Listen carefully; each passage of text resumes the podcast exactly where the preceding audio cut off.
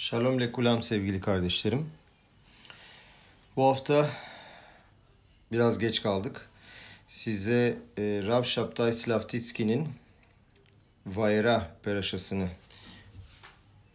aktarmaya çalışacağım. Bunun haricinde bir de e, geçen haftaki e, Şemot peraşasında Rav Yoel Benaruş'un yapmış olduğu müthiş bir açıklama var. Bence devrimsel nitelikte. Onu kısaca anlatmak istiyorum size bu derse başlamadan evvel. Sonra da Rav Şaptay'ın muhteşem dersine başlayacağız. Daha evvel de hep söylediğimiz gibi Akadosh Baruhu ağzımıza doğru lafları koysun ve size bu Tora sözcüklerini gerektiği gibi izah edebileyim. Rav Yoel diyor ki Yetziyat Misraim Mısır'dan çıkış tamamen yeni bir yaratılıştı.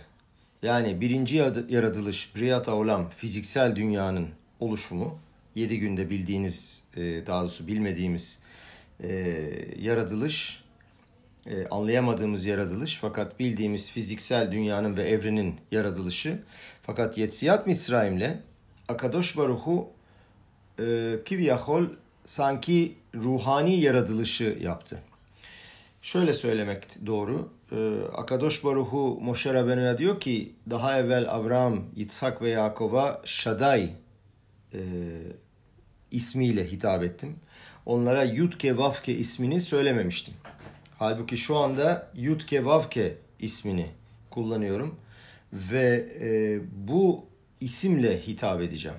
Yani başka türlü bir ortaya çıkış e, devolman olacak dünyada ve bu ortaya çıkışın manası sizi Yetsiyat e, Mısır'dan çıkarmak ve Mısır'dan çıktığınız vakitte Tora'yı verebilmek ve e, millet olarak bir ortaya çıkışı e, sağlayabilmek. Şunu anlatıyor Rav.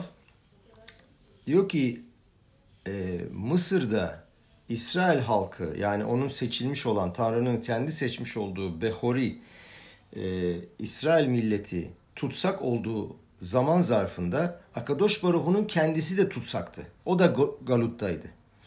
Ve diyor ki İsrail milleti bir millet olarak ortaya çıkmadığı sürece ben de esaret altındayım çünkü benim dünyaya vermek vermek istediğim mesaj yani Tora'yı verebileceğim millet de yok ve bu mesajı da dünyaya anlatamıyorum.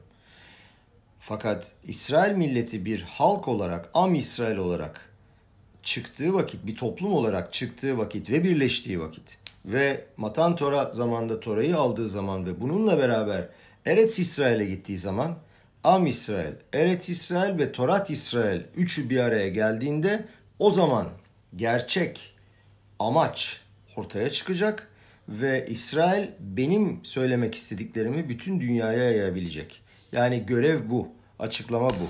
Diyor ki eğer Eretz İsrail, Am İsrail Tora'yı almayı kabul etmeseydi, reddetseydi bütün her şey başa sarılabilirdi ve tohu ve vo olurdu. Yani aslında diyor Rav bütün dünyanın e, dünyanın devam etmesini sağlayan ve onların var olmasını sağlayan Am İsrail'di Tora'yı almayı kabul ederek. Aslında bunun için bize teşekkür etmeleri lazım fakat daha bilmiyorlar. Ama bizim bu konuda çok büyük bir sorumluluğumuz var. Tabii ki Tora'yı aldığımız vakit Tora'yı olması gerektiği gibi e, ifa etmek, bütün dünyaya bunu iyi bir şekilde ve düzgün bir şekilde aktarmaya çalışmak ve bu sayede dünyanın tikununu, tamiratını yapabilmek. Bu çok kısa bir e, kısa bir fikir e, girizgahıydı. Bunu anlatmak istedim. Çünkü gerçekten farklı bir görüş. Evet şu anda bundan sonra da Rav Şaptay Slavtitski'nin vayrasına başlayalım. Rav Şaptay şöyle başlıyor. Diyor ki Dam vet sefardeya efoem kayamim bahayim şelanu. Yani ilk iki ilk iki beladan bahsediyor Rav Şaptay bu hafta. Ee, biliyorsunuz yedi belanın anlattığı muazzam bir peraşayı okuduk geçtiğimiz hafta. Fakat bunun sadece ilk ikisiyle ilgileniyor Rav Şaptay. Ve bu ikisinin hayatımızdaki önemini ve çok çok derin iki tane konsepti izah etmeye çalışıyor. Ve benim e, bu derste çok etkilendiğim konuşuydu. Biraz da zorlandığım konuşuydu aslında. Her gün okuduğumuz e, dualarda, tefilada her gün yaptığımız duaların içinden birkaç tane cümleyi alıp Rav onların ne anlama geldiğini ve bu hayatımızda neyi amaçladığımızı e, ve onun mesajını bize izah etmeye çalışıyor. Bu sayede yaptığımız bu tefilalarda çok daha anlamlı bir tefile yapıyoruz ve bu söylediklerimiz bence içimize çok daha fazla işliyor. E, ve bu gerçekten de bize keyif veriyor. Zaten e, dersin konsepti de tefile yaptığımızda ve mitzvaları yaptığımızda o mitzvalarla birlikte nasıl yaşayabiliriz ve onlardan nasıl zevk alabiliriz? Hem biz hem ruhumuz hem de vücudumuz. Gelin başlayalım. Birkaç sene önce Kaliforniya kentinde e, Ravlar ve Şaliyahlara verilen bir seminer vardı. Ve seminerde tam tren istasyonunun üstündeymiş. Ve günde 6 kere geçiyor tren ve istasyonda her tren istasyona vardığında o meşhur ıslığını çalıyor. Ve bu oradaki insanları çok rahatsız ediyordu. E, onlara ders veren, rehberlik veren Rav şöyle bir kural öğretti onlara. Onların bu sıkıntısını giderebilmek için. Dedi ki şöyle, insanlar dedi zanneder ki hislerimiz içimizden gelir ve biz onlara hakim olamayız. Biz onları seçemeyiz. Ama şu gerçek şu ki biz hislerimizin ve duygularımızın ne olacağına kendimiz karar verebiliriz.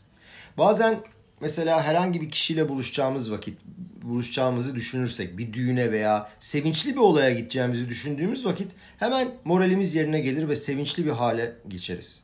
Gerçekten de bu kişinin kendi kararıdır. Ve diyor ki oradakilere gelin diyor her bu trenin sesini duyduğumuzda kalkalım, şarkı söylemeye başlayalım ve dans edelim. Ve kendimizi iyi hissedelim. Hakikaten de böyle yaptılar.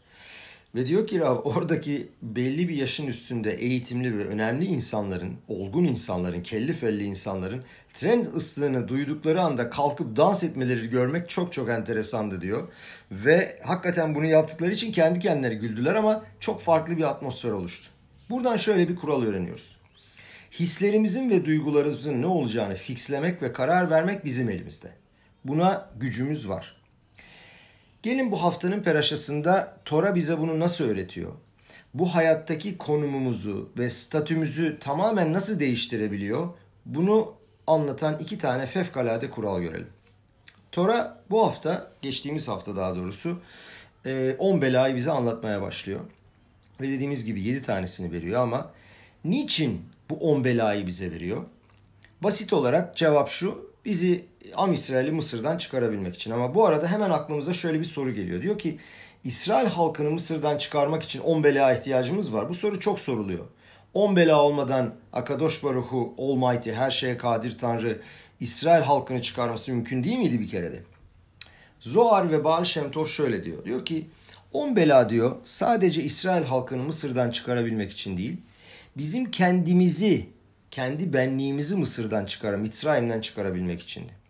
Diyor ki herkesin içinde bir takım daralmalar vardır, sınırlar vardır, limitler vardır. Ve biz o limitlerimizden nasıl çıkacağımızı bilmiyoruz. Şimdi Mitzrayim aynı zamanda Meitsarim olarak da e, tercüme edilebilir. Meitsarim de daralmalar ve e, limitler demek. Bu on bela ile ilgili Tora'da yazan bir pasuk var. Diyor ki ve yedu Mitzrayim ki ani Hashem. Mısır bilecek, öğrenecek ki ben Aşem'im. Tabi Aşem'den kasıt Yutke Vavke. Yani o e, doğaüstü olan e, isim. Yani başta söylediğimiz daha evvel e, ne Paro'nun bildiği ne de Avram, İtsak ve Yakov'un bildiği. Hatta Paro orada diyor ki zaten kim bu Aşem diyor Yutke Vavke. Ben Elohim'i biliyorum diyor. Aşem kim? Ve dolayısıyla Akadosh Baruhu Mısır'a ve tüm Mitzrayim'e ve tüm dünyaya e, Aşem'in kim olduğunu izah edebilmek için bütün bu belaları yapıyor ve doğayı kendi yarattığını ve istediği anda da doğaya tekrardan şekil verebileceğini insanlara ve bütün e, aleme e, hatırlatıyor. Kiyeş Elokim yani e, belalar Mısır'a Tanrı'nın varlığını gösterilmek için gelmiştir dediğimiz gibi. Şimdi onların bilinçlerinde Nil Nehri Yeor dediğimiz Tora'da Yeor diye geçiyor. Onların tanrısı e, onların tanrısıydı. Ama Akadosh Baruhu göstermek istedi ki başka bir Elokim var. Sadece sizin anladığınız gibi Nil Nehri tanrı değil. Leman tesaper be ozney binha u ben binha et aşer italalti be Mitzrayim ve ototay aşer samtibam ve yad'atem ki yani Hashem. Yani Mısır'daki yükseldiğimi ve oraya işaretlerimi koyduğumu oğullarınıza ve oğullarınızın oğullarına anlatabilmeniz için ve benim Aşem Yud Kevavki olduğumu bilmeniz için. Şimdi belalar burada anlıyoruz ki hem İsrail halkı için hem de Mısır içindi. Ve bunun açıklamasını şöyle yapabiliriz. Tanrı bu belaları dünyanın sadece patronu, hakimi ve lideri olduğunu belirtmek için ve bu ortaya çıkarmak için vermedi. On belanın her biri bizim için özel bir adraha, bir yol gösterme ve bir eğitimdir. Ve bizim içsel güçlerimizi nasıl ortaya çıkabileceğimizi bize öğretmektir. Yani limitlerimizden nasıl dışarı çıkabiliriz. Bu on bela aslında bütün o e, hem İsrail milletinin halkının hem de Mısırlıların içine gömülerek özel pratik yaşamlarımızda kullanılmak üzere bir takım tavsiyelerde bulunuyor. Ve nedir bu pratik ipuçları bunları görelim. Bazı insanlar vardır ki hastalanlar, hastalanmışlardır veya ruhsal problemleri vardır. Ve çoğu zaman biz bu insanlara gördüğümüzde yardım etmeye çalışırız. Peki nasıl başaracağız onlara yardım etmeyi? E, evlerini havalandırarak mı? Şarkı söyleyerek mi? Onları sevindirmek için güzel bir yemek ısmarlayarak mı? Bunlar maalesef problemi çözmeyecektir. Problemin ve hastalığın kendisine dokunmak lazım. Bu on bela Torat Ahasidut'ta belirtildiği gibi Tanrı'nın varlığını ispat edilmiş için e, e, Tanrı'nın varlığını ispat etmek için yapılmış bir ortaya çıkış değildir. Bu çok daha derin bir içsel eğitimdir ve buna Torat Ahasidut'ta orpnimi deniyor. Yani içsel ışık, içsel enerji deniyor. Ruhumuzun en ince noktasına acaba nasıl dokunabiliriz? İçimizde var olan bu güçlere nasıl ulaşıp onları nasıl ortaya çıkarabiliriz? Ve hangi güce yani içimizde olan o muhteşem güçlerden hangisine ne zaman ihtiyacımız olduğuna nasıl karar verebiliriz? Gelin şöyle genel bir giriş yapalım. Bu e, Tora'da surmera ve asetov diye bir konsept var. Yani surmera kötüden önce uzaklaş, sonra asetov, sonra da iyi yap. Asetov yapılması gereken pozitif ase emirleridir. Yap emirleridir. Mesela tefilin gibi, şabat gibi. Surmera'da yapılmaması gereken emirlerdir, faaliyetlerdir. Biraz daha derine inelim. İnsanlar asetov yani yapılacak olan mitzvaları surmera yüzünden yaparlar. Ne demek istiyorum? Yani başlarına kötü bir şey gelmesinden korktukları için asetov yani tefilin takarlar, şabatı korurlar, tsitsitleri yaparlar. Bütün bu mitzvaları yaparlar. Ne için? Aman başımıza bir şey gelmesin. İbranice'de tercümesi olmayan Yidiş'te enteresan bir kelime varmış. Bunu açıklamaya çalışacağız diyor. Diyor ki adamın birine sorarsanız diyor dua ettin mi itbalalta diye. Şimdi bunu nasıl tercüme nasıl konuş e, telaffuz edeceğimi bilmiyorum. Opke davant yani gideventer. İnşallah doğru söylüyorumdur. Ama böyle bir şey oldum diyor. Diyor ki ben artık diyor dua eden bir insanım diyor. Artık duanın ardındayım. Yani tefillanın içindeyim. Tefilladan bir kat Amazonlu veya sedaka vermekten vermekle birlikteyim. Onunla birlikte yaşıyorum. Ne anlama geliyor? Şöyle izah edelim. Basit birkaç örnek verelim. Anne ve baba sabah kalktıklarında çocuklarını yedirmek zorundadırlar. Onları giydirmek ve okula gitmeleri için çantalarını hazırlamak zorundadırlar. Çoğunlukta evin kadını veya evin erkeği de akşam yemeği hazırlama sorumluluğu vardır. Bazen bazen değil e, zamanı geldiğinde erkek kadına, kadın da kocasına evlilik yıl dönümü hediyesi alması gerekir. Hepimizin bazı taahhütleri var. Bazen bazı şeyleri zorunda olduğumuz için, yapmamız gerektiği için yaparız veya alışmış olduğumuz için yaparız. Bir taraftan taahhüt etmek fevkalade bir şey. Çünkü bize hayat yolunda sağlam bir zemin verir. Eğer çocuk annenin onu uyandıracağını, onu yedireceğini ve onunla birlikte ev, ödeci, ev ödevini yapacağını bilirse çocuğa bir güven gelir. Eğer biz de mesela karımızın veya kocamızın, çocuklarımızın ve arkadaşlarımızın bize karşı bir taahhütleri olduğunu bilirsek bize bir güven duygusu verir. Öte yandan bir takım alışkanlıklarımız da bize belirli bir yolda olduğumuzu belirtir. Bu bize güven verir.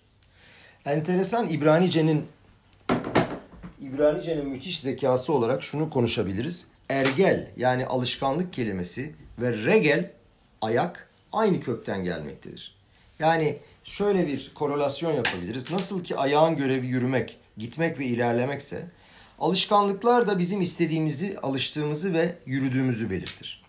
Tanrı gelip diyor ki Akadosh Baruhu, bakın diyor. İçinizdeki bazı kişiler iyi şeyleri surmera yüzünden yapıyorlar. Adam aslında tefilin takmak istemiyor.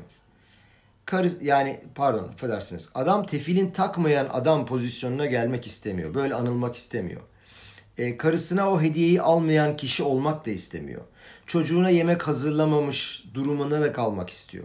Yani olayın derinine inecek olursak yapmış olduğu işi isteyerek ve bağlanarak yapmıyor da işin özüne inerek yapmıyor ama düşeceği kötü duruma inmemek için yapıyor. Öyle bir durumda kalmamak istiyor.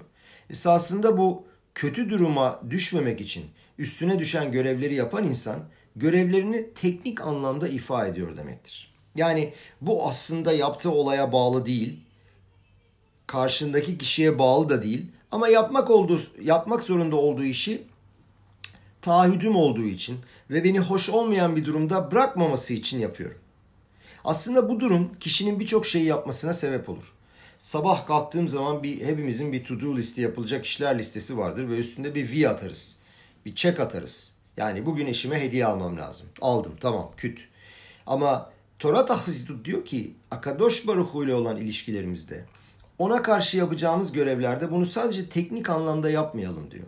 Yani günlük yaptığımız mitzvalarda işte sabah dua ettim çek. Tefilin taktım çek. Sadaka verdim çek. İşte arkadaşlarıma gülümsedim merhaba dedim çek. Bu değil. Diyor ki mitzvaları surmera anlamında değil onları gerçekten yapmak istediğin için yapmak lazım diyor. Gaon Vilna'nın en önemli öğrencilerinden bir tanesi Rabbi Avromi Kislik. E, Magid Mimezr için Hasidut'un çok önemli e, kişisi Magid Mimezr için e, ününü duyar ve onu ziyaret etmeye karar verir. Onu tanımak ister. Oraya gider ve gördüğü zaman müthiş etkilenir ve büyük bir hasit olur. Ve sonra Gaon Vilna'ya geri döndüğünde Gaon ona sorar. Ne öğrendin? Ne yenilikler oldu içinde? Cevap şu. İthadeşli ve haybayem. Bu haybayem lafı çok önemli. Bunu çok kullanacağız. Diyor ki yenilendim ve onlarla birlikte yaşıyorum. Onların içinde yaşıyorum.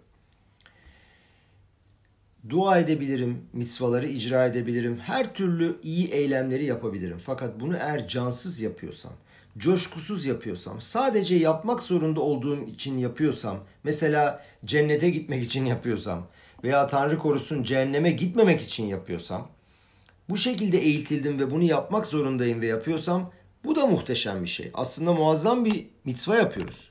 Fakat e, bu yaptığımız Tanrı'nın gerçekten istemiş olduğu, esasında istemiş olduğu şey değil. Bu şekilde devam edebiliriz fakat daha yükseğe, daha iyisine niyet etmemiz, arzulamamız ve göz dikmemiz gerekir. Haybayem yani onunla birlikte yaşama seviyesine gelmek için bir tutkumuz olması lazım. Bir keyif almamız lazım. Ee, mütevazi olarak ben kimim ki aslında böyle bir şey söyleyeceğim ama e, bu yapmış olduğum çalışmalarda e, bayağı bir zaman harcıyorum hepinizin bildiği gibi. Ve bunu yapmak bana müthiş bir keyif veriyor ve paylaşmak da müthiş bir keyif veriyor.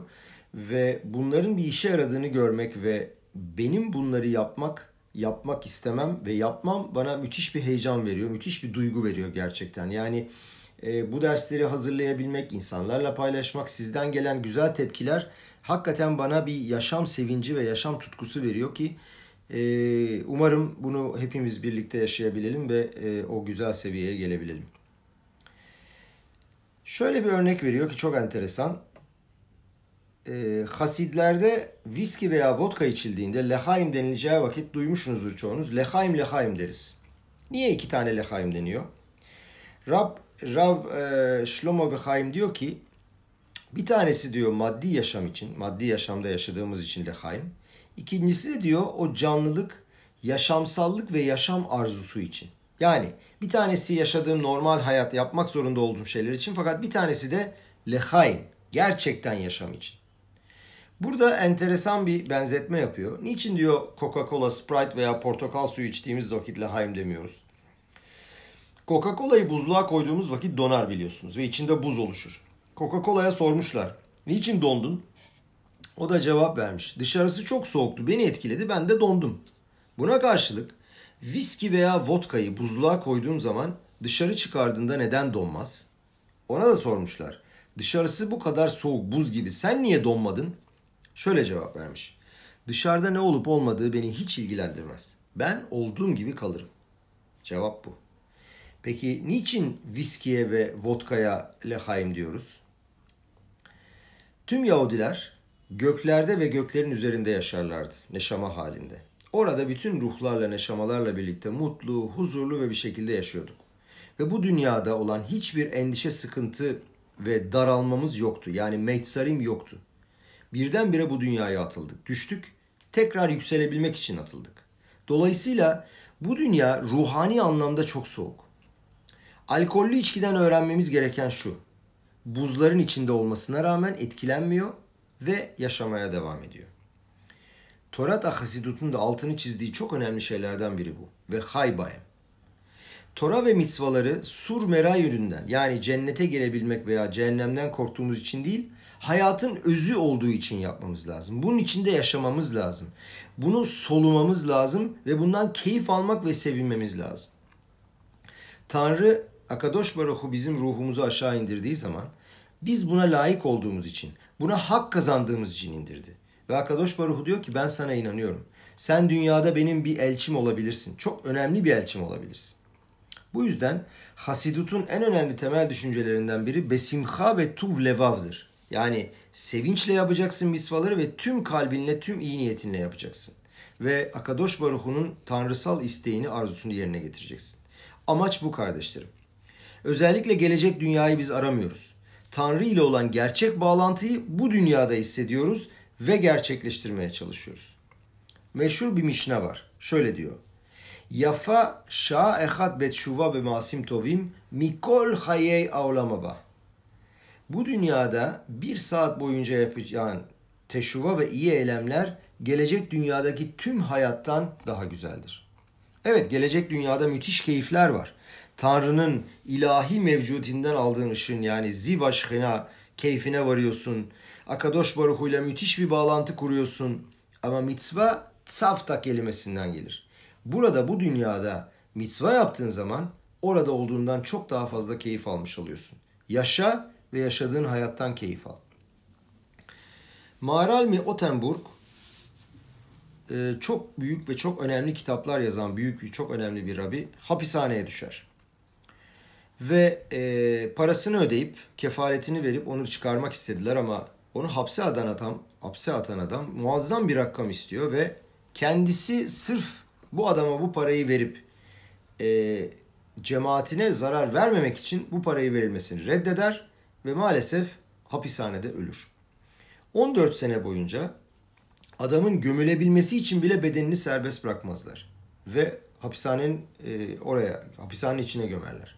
Sonra Alexander adında çok zengin bir adam bu Rav'ın bedenini alabilmek için ve serbest bırakabilmek için neredeyse tüm mirasını verir. Ve bunu yaptıktan sonra bu iş adamı ölür. Ölmeden önce Maralmi Otenburg rüyasında görünür ona. Ve ona teşekkür eder. Der ki beni bu hapishaneden çıkardığın için sana ne vermemi istersin? İki tane opsiyonum var.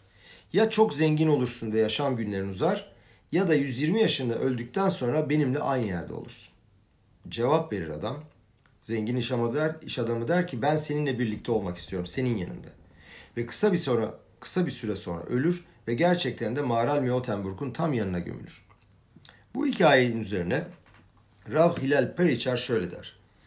Eğer zengin olup yaşamaya devam etmeyi seçseydi daha iyi olurdu. Sebebi yafa şa ehad bet şuva be asim tovim ba'olamaze mikol hayeye olamaba. Burada yapmış olduğun şuva ve asim tovim tüm diğer dünyada yapmış olduklarının hayatından daha önemli. Kişinin Akadosh Baruhu'nun yaptığı şeye, istemiş olduğu şeye bağlı olması onun büyüklüğüdür. Ve yapmış olduğu teknik şeylerle değil, bu dünyada yapmış olduğu eylemlerle, bu dünyada yaşadığı ve yaptığı mitzvalarla Tanrı'ya bağlı olduğunu hisseder. Ve e, Akadosh Baruhu'ya yapmış olduğu işlerden yani Avodat Aşem'den dolayı sevinç ve mutluluk duyarsa işte bu sevinç onun gerçekten kim olduğunu ortaya koyar. Peki senin özün ve esasın nedir? Bu senin için bir zorunluluk mudur? Yük müdür yoksa Akadosh Baruhu ile gerçek bağlantıyı hissediyor musun? Hepimiz ölülerin dirilişine yani tıhiyatametime inanıyoruz. Birisi Gemara'da sormuş. Nasıl olacak demiş. Ve cevap şu. Demiş ki hangisi daha büyük mucize? Acaba dünyada hiçbir şey olmayan birisinin doğması mı? Yani yeş mi ayn mi? Hiçbir şey yokken hiçlikten geldiğimizi biliyoruz. Yoksa yaşamış olan bir adam ölüyor, var oluyor ve tekrardan dünyaya geliyor. Herkes anlıyor ki aslında yeş mi ayn yani hiçlikten ortaya koyan bir varlık daha önemli. Önceden ya ön, e, var olan, ölen ve sonra tekrardan dirilen birinden daha önemli. Peki nedir o zaman ölülerin diriliş, dirilişi? Rambam'a göre önce Maşiyah gelecek ve ölülerin dirilişi ondan sonra olacaktır. Hasidut'ta yazılı olduğuna göre ve Ramban'a göre, Lahmanid'in dediğine göre ölülerin dirilişinde vücudumuzla birlikte yaşayacağız. Ama o zamanki durumda vücut çok daha saf olacak. İçimizde olan ruhumuzu, tanrısallığımızı, elokutu hissedeceğiz. Maddiyatla olan ilgimiz azalacak. Egomuz, ihtiraslarımız ve arzularımız çok daha alt seviyede kalacak. Ama bütün bunlara rağmen maddi olarak maddiyatla e, oluşmuş olan vücudumuzla, fiziksel vücudumuzla birlikte yaşayacağız. Ve burada büyük bir soru soruluyor. Bu vücuda ne ihtiyacımız var? Sadece ruhumuz yaşasın. Hayır diyor Torat Ahazil. Diyor ki Yahudilikle ve diğer tüm dinler arasındaki anlayış farkını şöyle açıklıyor Torat Hasidut. Diyor ki diğer dinlerde diyor vücut onlar için bir tragedyadır, trajedidir. Onlar vücudu kırmak istediler. Onlar vücuttan ayrılmak istediler. Biliyorsunuz e, Hristiyan dininde papazlar evlenmezler ve bütün dünyevi zevklerden ayrı kalırlar. Ve öyle yerler varmış ki kişi öldüğü zaman sevinirlermiş vücuttan kurtuldukları için. Ama Tora diyor ki kutsiyet ve tanrısallık maddiyatın içine girsin. Bu yüzden maddiyatla ilgilenen birçok mitzvamız vardır. Şabat günü yemek yemek, yemek üzerine beraha yapmak, kaşrut ve netilat yaday malahaları gibi çok bir sürü mitvamız vardır. Anvers'te Bethabat'ta birlikte çalıştığımız zaman diyor Rav bir avukat varmış ve avukat e, Yahudilikten çok uzakmış. Bir keresinde onu şabat yemeğine davet etmişler. Ve bu yemeklerden çok keyif almaya başlamış ve demiş ki ben bir arkadaşımı daha çağıracağım. Ve e, o arkadaşını da çağırmadan evvel e, şöyle bir şey anlatıyor. Rav diyor ki bu arkadaşlar iki arkadaş Yahudilikten uzak olan bu arkadaşlar hep her türlü restorana gitmek işte Çin lokantası, İtalyan lokantası bunlara gidip güzel yemek yemekten keyif alırlarmış. Onlarla ilgili bir sürü yazılar yazarlarmış. Adamların böyle bilgisi var. Yemekle yaşıyorlar. Ve bu arkadaşı geldikten sonra e, yemekten sonra söz almış ve demiş ki bakın demiş niçin bu arkadaşım beni nasıl ikna etti biliyor musunuz demiş buraya gelmeye. Biz demiş e, Çin lokantasından Japon'a, İtalyan'a kadar bir sürü lokantaya geldik ama burada şabat yemeği ruhani bir deneyim olacaktır. Bunu başka hiçbir yerde bulamazsın. Ve gerçekten de bunu hissettim demiş. Tora istiyor ki kutsiyet ve tanrısal deneyimleri maddiyatın içine sokalım ve bunu yaşayalım ve hissedelim. Alem ve Şabeah duasında her gün o meşhur pasuğu söyleriz. Ve yad'at ayom ve aşevot alevavecha ki Hashem elokim başamay mimal ve al aretz mitahat. E, bundan bahsettim dersin başında söyleyeceğim. Alin Şabeah her gün söylüyoruz günde üç kere. Ve e, şu e, vereceğim açıklamayla Bezrat Hashem Alem ve Şabeah çok daha manalı bir hale gelecek yaşamınızda. Şöyle diyor, bugün bileceksin ve kalbinle ikna olacaksın ki Aşem hem yukarıdaki göklerde hem de aşağıda yeryüzünde Tanrındır. Hem yukarıda hem aşağıda. Bu pasukta iki tane olay var. Söylediğimiz ve tanıdığımız bir cümle daha var. Diyor ki Aşamayim şamayim laşem ve aretz natan libne adam. Gökler Tanrı'ya ve yeryüzü insanoğluna verilmiştir. Rebbe soruyorlar. Diyorlar ki nasıl diyorlar gökyüzüne aya kadar ulaştılar? Rebbe şöyle bir cevap veriyor. Diyor ki burada diyor ayı ve aya kadar gitmeyi kastetmiyorlar. Ay da güneş de maddi dünyanın bir kısmı bir parçası. Gökyüzü derken diyor ruhani dünyayı kastediyor. Aşamayim şamayim laşem derken ruhanilik ve tanrısallığın Tanrı'ya ait olduğunu kastediyor. Ve tüm yeryüzü, gökyüzü, ay ve güneş maddi dünyanın bir parçası olarak insanoğluna verilmiştir diyor. Pasuk burada şöyle diyor. Diyor ki Bilmen lazım ki gökyüzü yani ruhani ve tanrısal olaylar yukarıda yani başta yani senin önceliklerde en üst noktada ve en önemli olması lazım. Arets yani maddiyat aşağıda ve ikinci seviyede olması lazım. Bu ilk açıklama böyle. Fakat aslında bu cümle bize bir şeyi daha belirtmek istiyor. Ki bu bence en önemlisi ve vurucu nokta. Esas vurgulanan istenen amaç şu. Diyor ki Veyadat ayom. Bugün bileceksin ki Aşemu Elokim Başamayim. O yukarıdaki tanrıdır. Fakat esas son amaç Aretz mitahat yani yeryüzüdür ve tanrısallığı bu dünyada ortaya çıkarmaktır. Vücut da keyif almalı. Vücut da senin bu keyfin ve kutsiyetin bir parçası olmalı. Yani optimal olarak tanrısal deneyimi ve yaşamsallığı maddi dünyanın içine giydirmemiz ve bu dünyada ortaya çıkarıp gerçekten yaşayıp onunla birlikte keyif almamız lazım. Peki burada basit bir soru soruluyor. Niçin?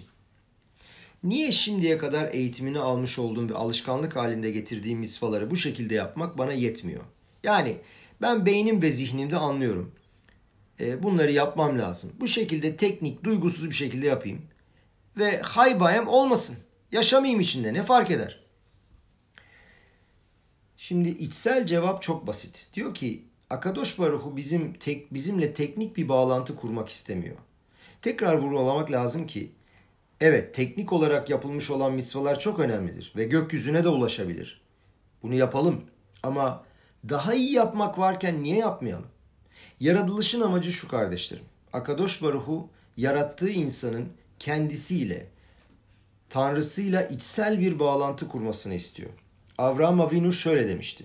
Ten liyeta nefeş ve arehuş kahlah. Bana ruhu ver ve geri kalan mirası al. Dolayısıyla Tanrı bizim ona bu mitzvaları teknik olarak yapmamızı istemiyor. Yani yalnız surmera yani korku içinde veya kötülükten çıkmak için yapmamızı istemiyor. Tam tersine yapma denilen mitzvaları yani lotase mitzvalarını dahi içsel bağlantıyı kurarak ve onlarla birlikte yaşayarak gerçekleştir. Akadosh Baruhu ile birleşmek istemenin hissi ve duygusuyla yap bu mitzvaları. Lo nitna atora ela letzaref baem etabriot. Tora yaradılanları eklemek, bunun içine katmak için verildi. Şimdi letzaref eklemek demek. Ama diyor ki ne demek diyor letzaref? Aynı zamanda lelateş yani parlatmak ve litzrof.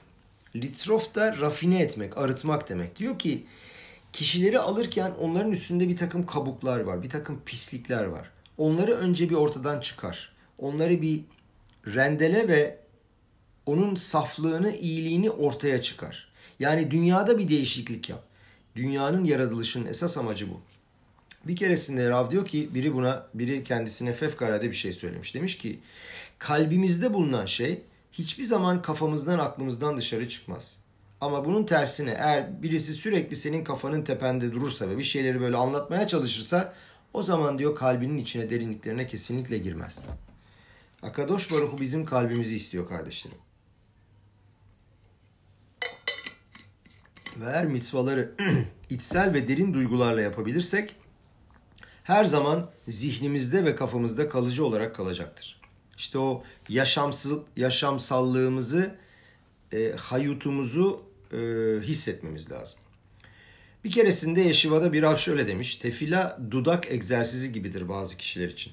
Sadece dudaklar hareket eder ama kalbimiz nerede acaba? Her türlü yerde dolaşıyor dua esnasında ve maalesef gerçek hayatı, Tora'daki gerçek ışığı kaçırıyoruz elimizden. Bunda bir problem daha var. Kişi eğer mitzvaları sadece teknik anlamda yani içsel hissiyat olmadan yaparsa korkunç şeyler olabilir. Tora'da kısa bir zaman önce okuduğumuz pasukları hatırlayalım. Ve abor rek embomayim avala nehaşim ve akrabim yeşlo. Bunu biliyorsunuz Yosef Atsadi kuyuya attıkları zaman kardeşleri e, okumuştuk. Kuyu boştu, içinde su yoktu fakat yılanlar ve akrepler vardı. Kalbimiz bir kere boş olduğunda yani eğer biz çocuklarımızı, öğrencilerimizi ve kendimizi teknik olarak eğitirsek, işin sadece mekanik amacına ulaşmayı kendimize hedef alırsak, fakat buna karşılık kalbimiz boşsa, duygusallık ve his yoksa hayatiyet bunun içinde olmayacaktır. Bunun içinde biliyorsunuz boşluk her zaman doldurulur ve bunun sonucunda otomatik olarak yılanlar ve akrepler Tanrı korusun içimize girecektir. Ve bunu görüyoruz. Bu muhteşem bir gençliğimiz var. Harikulade neşamalar. Ama o gençlik artık zamanımızda eskiden bizim gibi değil. E, kardeşlerim eskiden biz şunu yap derdik, yap derlerdi yapardık. Boyun eğerdik ama şimdiki gençler bunu aramıyorlar artık. Şimdiki gençler derinlik arıyorlar, anlam arıyorlar. Ve Yahudilikte derinlik ve hayatiyet var, yaşamsallık var, can var. Ama biz onlara bunu veremezsek işte sıkıntı o zaman başlıyor. Yaptığımız eylemlerde bugünlerde sadece onlara bunu vermemekle kalmıyoruz. Onlardan bu hayatiyeti, yaşamsallığı geri alıyoruz. Nasıl yapıyoruz? Tora'yı ve Yahudiliği güçle ve baskıyla prezente ediyoruz. Onlara böyle sunuyoruz ve onların Tanrı ile olan Akadosh Baruhu ile olan ilişkisini kuvvet kullanarak bu sefer tam tersini onlardan çıkarıyoruz. Bütün bunlardan sonra bir bakıyoruz ki bu gençler arayışlarını Tanrı korusun başka yerlerde sürdürüyorlar. O arayışlarını sürdürdükleri yerde her şey açık ve serbest. O deneyimi arıyorlar. O duygusallık ve hissiyat yoksa o zaman bunu başka yerde arıyorlar. Ve e, Baal Shem Tov bu dünya için vermiş olduğu çok güzel bir örnek var. Diyor ki bu dünya diyor çok zengin bir adama benziyor. Bu adam bir gün bir sokağa çıkıyor ve sokağın ortasında kemanı ile yerde oturup melodi çalan bir adama rastlıyor. O kadar beğeniyor ki melodiyi. Tamam diyor bir daha çal, bir daha çal, bir daha çal. Bir sürü para veriyor adama. Sonunda bu melodi onun hayatı oluyor. Onunla birlikte yemek yiyor, beraber yolculuk yapıyor, bununla yatıyor. Çok mutlu. Bir sabah bir kalkıyor, melodi kafasından gitmiş. E ne yapacak? Yaşayamıyor. Yola ilanlar koyuyor. Diyor ki bu melodiyi bana bulan kişi benden çok büyük bir ödül alacak diyor.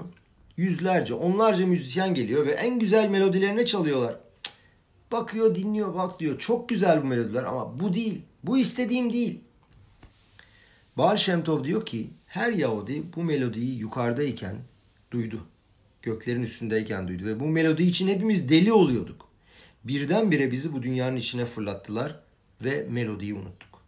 Görüyoruz ki kardeşlerim tüm Yahudiler bu melodiyi arıyor. Hindistan'da o meşhur guruların yanında, Güney Amerika'da bu içselliği, bu farkındalığı arayanların çoğu Yahudilerdir. Çünkü Yahudinin ruhu bu melodiyi hep arıyor. Eğer bunu Yahudiliğin içinde bulamıyorsa başka kırık dökük yerlerde aramaya çalışıyor. Ve eğer içinde soğukluk varsa işte bu oluyor.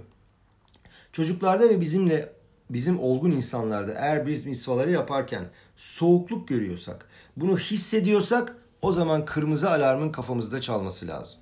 Eğer soğukluk varsa krirut diyorlar buna. E, problem başlıyor. E, dış dünyaya çıkıp böyle çok güzel kıyafetlerle sanki her şey normalmiş, iyiymiş gibi kendimizi gösterebiliriz. Ama içimizde o soğukluğu hissettiğimiz anda bilimiz, bilin, e, bilmemiz lazım ki içimizde bir şeyler çürümeye başlamıştır. Ve aslında bu hastalığı yayılmadan evvel hemen yakalamak, teşhis etmek gerekir. Nereden biliyoruz bunu? Meşhur Elisha ben Avuya, ona aher denildi.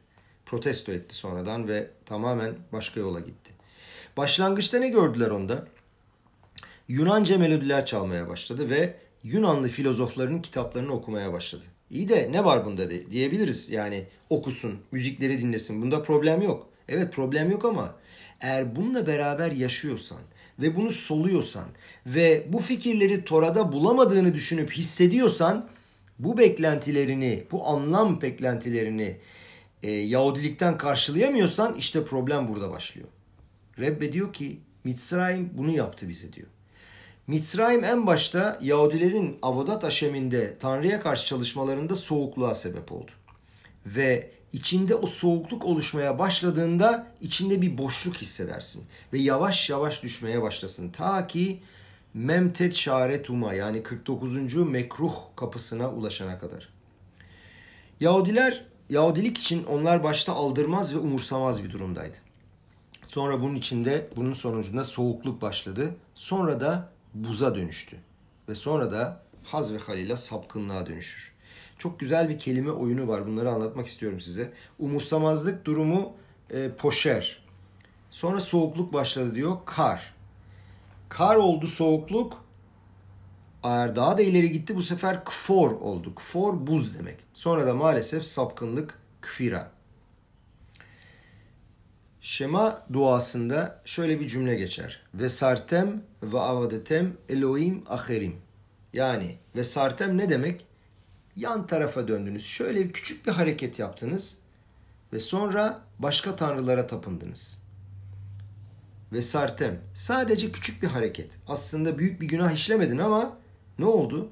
Sanki dışarıya karşı her şey yolunda gibi görünüyor. Kalbin biraz yan tarafa düştü. Biraz yolundan saptı ve bunun sonucunda diğer tanrılara tapmaya başladın.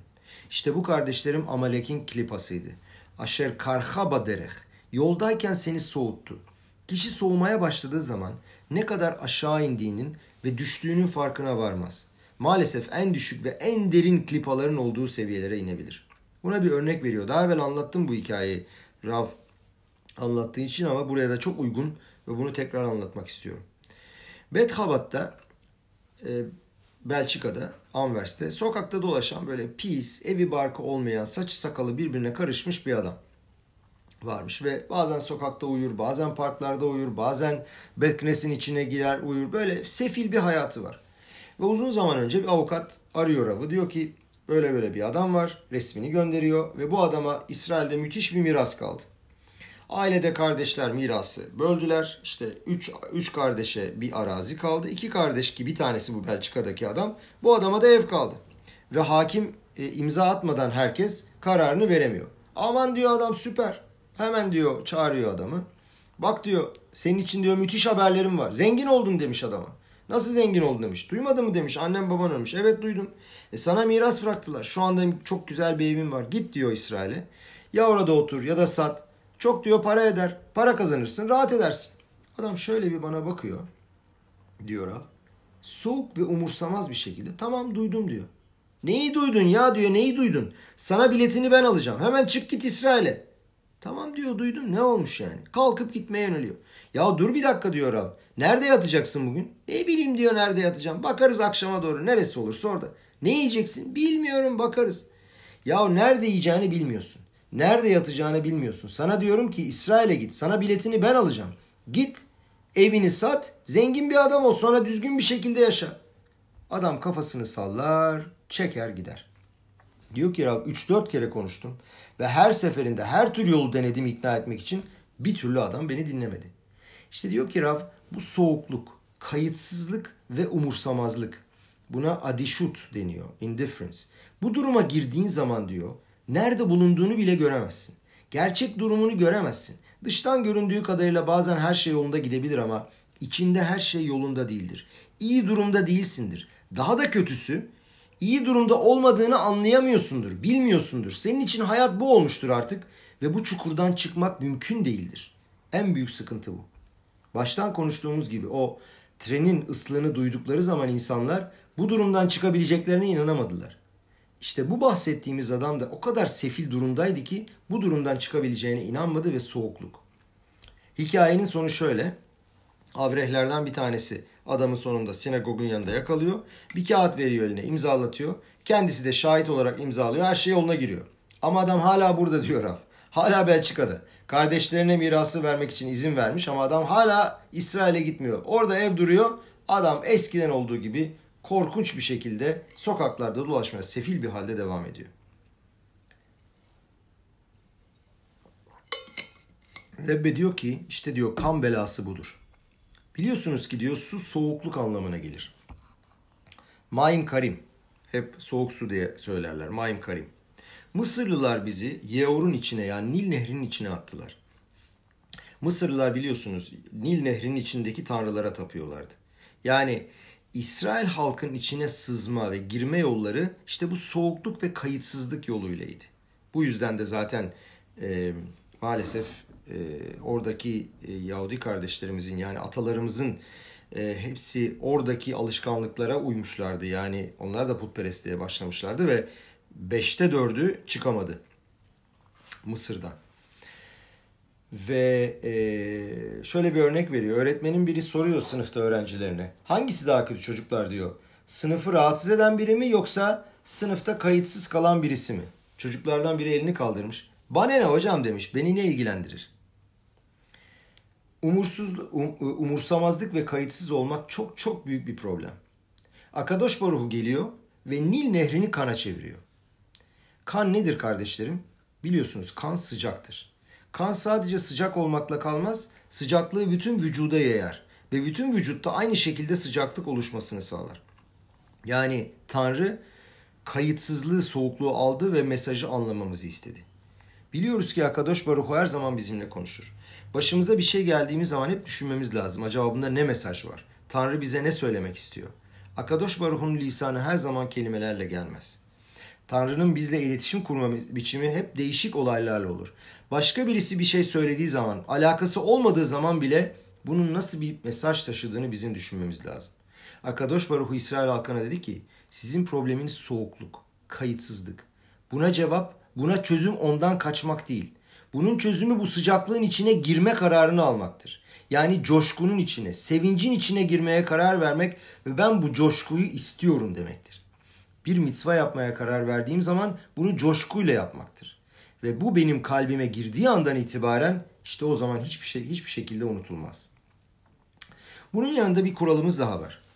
Akadosh Baruhu yarattığı dünyada hiçbir şeyi boşuna yaratmamıştır. Her yarattığı şeyde bir iyilik mevcuttur. Ve soğuklukta da bir avantaj, bir iyilik vardır. Soğuk suda dahi bir avantaj vardır. Ama nerede ve ne olduğuna bağlıdır. Bazen ateş, sıcaklık ve coşkunun da dezavantajları vardır. Diyelim ki bir adam sinirlendi. Bu ateştir. Onu hareketlendirir. Bununla birlikte yaşar ve bu ateş zamanla yakıp yıkabilir, yok edebilir. Bazen kişi ihtilafa, mahlukete düşer. Tartışır, uyuşmazlık, kıskançlık, arzu, ihtiras. Bu da ateş. Ve bu ateş insana zarar verip yakıp yıkabilir. Ateş ve ihtiras enerjisiyle muazzam şeyler yapılabilir fakat maalesef bunun tam tersi de olabilir.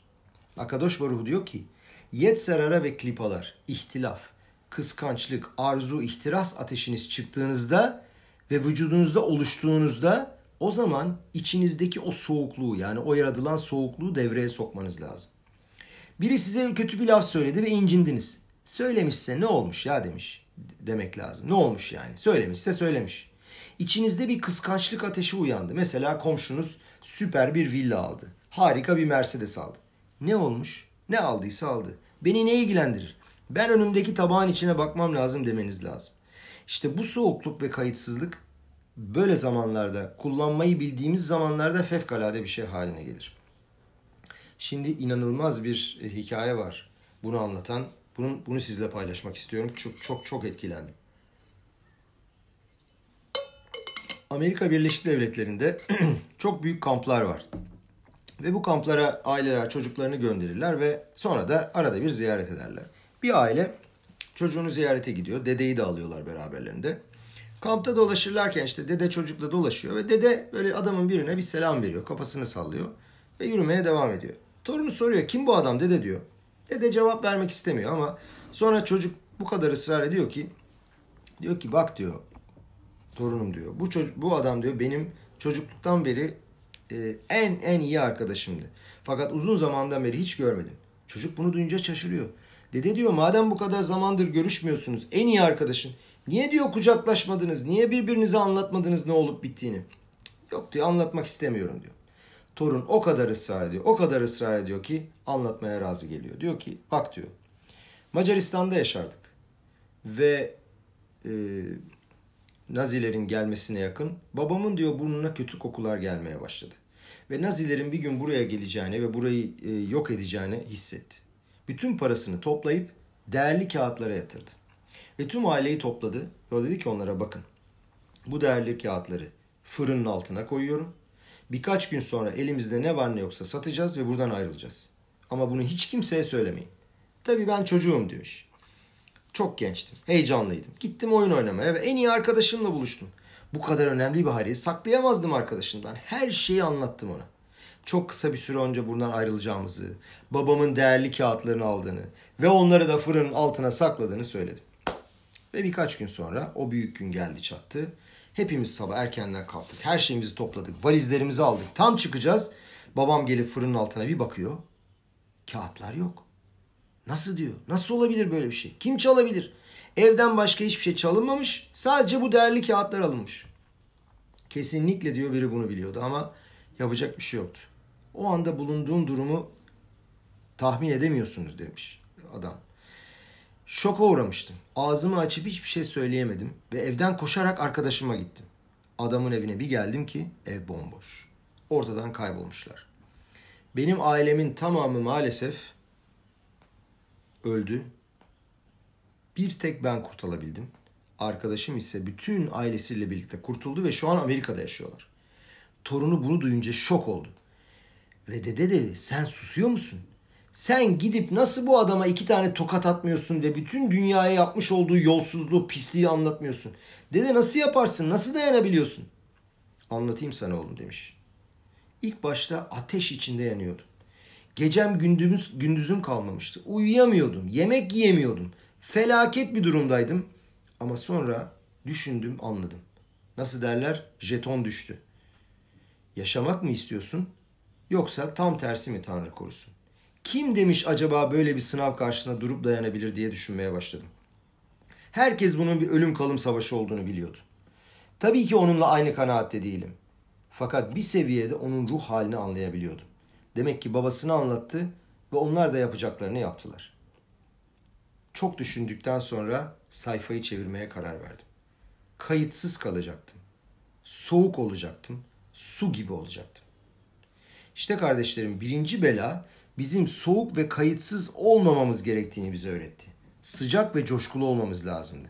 Tanrı diyor ki ikinci bela kurbağalar. Peki nereden geliyordu bu kurbağalar? Pasuğun dediği gibi ve şarats ayeort svardeim.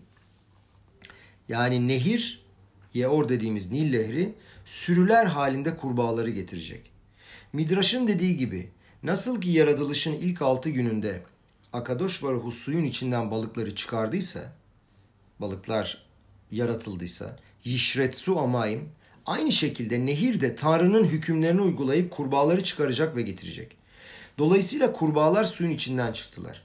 Yani kurbağalar suyu temsil eden hayvanlardır. Ve bu kurbağalar dediler ki bize bazen su gibi soğuk olmalısın. Bu kurbağalar birdenbire ortaya çıkmadılar. Fırınların içine, hamurun ekmeğin içine girdiler. Mısırlılar ve Firavunlar da bu ekmeği yedikleri zaman kurbağalar onların midelerinin içine girdiler. Ama Akadosh Baruhu bu fedakarlığa karşılık müthiş bir mucize yaptı. Ve sadece o fırınların ateşin içine girmiş olan kurbağalar hayatta kaldı. Ve geri kalan tüm kurbağalar öldü. Kurbağalar fırının içine soğukluk soktular. Fırından korkmadılar, etkilenmediler. Klipanın içindeki o kızgınlıktan, kıskançlıktan ve ateşten çekinmediler, ateşin içine atladılar. İşte kurbağaların mesajı budur kardeşlerim. Belirli bir zamanlarda insan soğuk olmalıdır. İşte bizim ne zaman kanı ve ne zaman kurbağaları kullanmamız gerektiğine karar vermemiz lazım.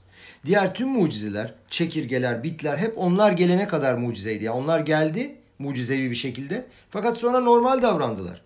Olmaları gerektiği gibi. Ama kurbağalarda olay çok daha özeldi. Hem gelmeleri özeldi hem geldikten sonra da çok farklı bir şekilde davrandılar. Fırının ateşin içine atladılar. Tüm belalardan sonra belaya sebep olan her şey ortadan kayboldu. Bitler, çekirgeler kayboldu, e, vahşi hayvanlar kayboldu. Fakat kurbağalar nehrin içinde kaldılar. Tora'da yazdığı gibi Bayeor Tişarna ve öbek öbek küme küme toplandılar ve çok kötü koktular. Ve bu şunu anlatmak istediler. Bizim hislerimizin içinde bazen soğuk olmamız lazım. Vahşi hayvanların gelmiş olduğu belanın içinde de yine kurbağalar vardı. Peki niçin o zaman kurbağaların koktuğunu söylemek gerekiyordu? Çünkü orada onlar tüm yaşamın bir parçasıydılar. Ama kendi belalarında çok özel bir yere sahiplerdi. Sıcaklığın ve ateşin içine soğukluğu sokmamız gerektiğini belirten bir semboldüler. Yani Tora burada diyor ki kana da ihtiyacımız var, kurbağalara da ihtiyacımız var. Rebbe burada çok enteresan bir noktaya daha dikkat çekiyor.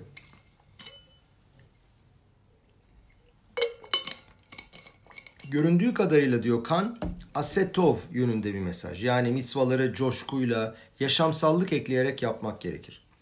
Günahlara, kızgınlıklara ve arzulara ise surmera şekliyle yaklaşmak lazım ki bu da kurbağalar demek. Rebbe sorar niçin belalar kanla başladı yani asetovla başladı ve kurbağalarda söylediğimiz gibi surmera oldu. Yani sinir ve kıskançlığın varsa onları yapma soğuk davran. Bildiğimiz kadarıyla aslında burada sanki olay tersmiş gibi. Son, çünkü normalde surmera asetov denir. Yani önce kötülükten uzaklaş sonra iyilik yap. Halbuki Rebbe diyor ki Baal Şemtov'un öğretilerinde olduğu gibi sur mera kötülüğü bir kenara koy diyor. Onunla ilgilenme diyor. Eğer pisliği temizlemeye kalkarsan sen de pislenirsin diyor.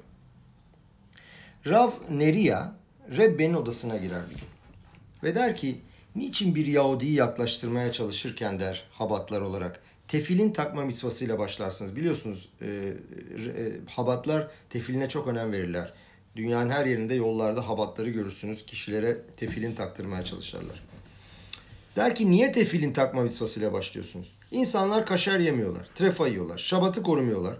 Önce onlara şabat konusunu, yapılmaması gereken lot denen emirleri anlatıp bunlarla başlamanız lazım. Kaşarut e, kurallarıyla başlamanız lazım. Niye tefilinle başlıyorsunuz?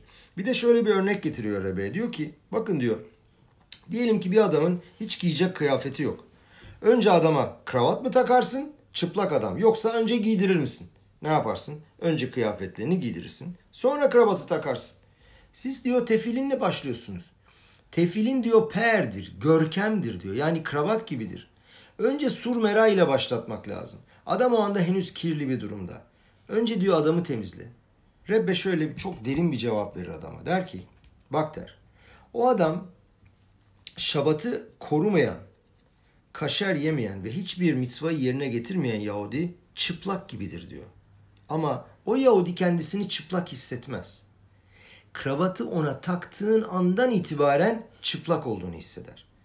Aynı Yahudi'ye sen şabatı korumuyorsun, trefa yiyorsun dediğin anda hiçbir etkisi olmaz. Ne olmuş yani der çekip gider. Halbuki ona tefilin taktığın anda onu kaldırırsın. Seviyesini yükseltirsin. Onu saflaştırırsın, mübarek kılarsın. Onun neşamasını uyandırıp ortaya çıkarırsın. Dolayısıyla birdenbire kravatını taktığı anda kendini çıplak hisseder. Buna bu durumun ona yakışmadığını hisseder. Kıyafetleri olmadığını anlar ve giyinmeye karar verir. İşte Tora bu yüzden belalara kan belasıyla başlar. Yapacağın işlere sıcak başlaman lazım. Tanrı'ya yaklaşmak, coşku ve içsellik hissetmen lazım. Sur merayı sonraki aşamada da yapabilirsin. Niye? Çünkü o zaman bunu hissedebilirsin zaten. Midraş'a göre her hayvanın Tanrı'ya söylemiş olduğu bir şarkısı vardır. Kurbanın melodisi nedir? Baruch Shem Kevod Malchuto Leolam Vayet. Biliyorsunuz Şema İsrail'den sonra söylediğimiz cümle. Tercümesini de yapalım. Görkemli krallığının ismi sonsuza dek mübarek olsun. Enteresandır biz bu cümleyi her zaman sessiz söyleriz. Bir gün haricinde o da Yom Akipurim. Peki niye her zaman sessizce söylüyoruz ve niçin Yom Akipurim'de yüksek sesle söylüyoruz? Sessizce söylememizin sebebi şudur. Moshe Rabenu gökyüzüne çıktığında Tora'yı almak için Tanrı'ya dua eden meleklerin Akadosh Baruhu'ya Baruch Shem Kevod Malchuto Leolam Vayet dediğini duydu. Aşem'i taçlandırma ve krallığını ilan etme konusunda muhteşem bir dua olduğunu anladı. Düşünsenize benim tüm benliğim ve her şeyim Akadosh Baruhu diyebilmek. Ve aşağı indiğinde bu hediyeyi İsrail halkına getirdi. Ama bunu sessizce yapmalarını istedi. Sebep ne? Kralın sarayından çok kıymetli bir mücevher çalan birisi bunu karısına verdiği zaman karısı bunu herkesin ortasında dışarıda takmaz. Çünkü dışarıdakiler bunun kralın sarayından çalındığını anlarlar. Bunu sadece evin içinde sessizce takar. Baruch Shem Kevod Malchuta Leolam Vayet cümlesi meleklere ait. Dedi ki ben bunu alamam. Dolayısıyla bunu sadece sessizce söyleyebilirim ve dualarıma ekleyebilirim. Ama Yom Kippurim günü Am İsrail meleklerle aynı seviyede onlara benzediği için o zaman yüksek sesle söylenebilir. Mağaral ise bunu çok daha ince ve çok daha derin güzel bir şekilde açıklıyor. Diyor ki Mağaral, Netzach İsrail'de şöyle söylüyor. Diyor ki Baruch Shem Kevod Malhuta olan Vayet cümlesi bizim Tanrı ile Akadosh Baruhu ile olan içsel bağlantımızdır. Her Yahudi neşamasının içinde Baruch Shem Kevod Malhuta olan ve cümlesini zaten haykırıyor. Her Yahudi'de bu mevcut. Fakat aynı zamanda vücudumuzda var. Vücudumuz ne yapıyor? Ruhumuzu kaplıyor, örtüyor. Bu yüzden ben Baruch Shem Kevod Malhuta olan Vayet cümlesini yüksek sesle söyleyemem. Çünkü gerçek değil. Çünkü sadece bu neşamamız seviyesinde mevcut. Neşamamız bizim içimizde i mithabet etsleynu diyor Midraş. Sanki o bizim vücudumuzun içinde bir mücadele veriyor. Dışarı çıkmaya çalışıyor ama bunu sessizce söylüyor. Biz bunu tüm vücudumuzla, tüm benliğimizle Baruch Shem Kevod Malchuto olan Vayet gerçekliğini biz hissetmiyoruz. Halbuki Yom Kippurim günü kişi oruç tuttuğunda, teşuva yaptığında, neşaması onda ortaya çıktığında o zaman gerçekten tüm manasıyla, hissiyatıyla ve yüksek sesle Baruch Shem Kevod Malchuto olan Vayet diyebiliyor. Hepimiz kardeşlerim içimizde kurbanın gücünün bizde olduğunun farkında olmalıyız. David Amelech'in söylediği ve kitaplarda yazılı olduğu gibi her insanda tüm mevcut hayvanların gücü vardır, mevcuttur. O yüzden korbanotun sonunda dediğimiz az kenamer, panter kadar atılgan ve kal kaneşer, kartal kadar hafif ve rats katsvi, geyik kadar süratli ve gibor kari, aslan gibi güçlü cümleleri vardır. Tüm bu hayvanların gücü aynı zamanda insana da verilmiştir der Midraş. Yani kurbanın gücü hepimizde mevcuttur kardeşlerim. Bunu açık bir şekilde hissedemesek dahi her Yahudinin inanması lazımdır ki ta içimizden, derinliklerimizde Baruch Shem Kevod Malchutole olan vayet vardır. Umarım bir an evvel Maşiyah'ın gelişine layık oluruz ve hepimiz yüksek sesle Baruch Shem Kevod Malchutole olan vayet diyebiliriz. Amen ve chen yiratzon.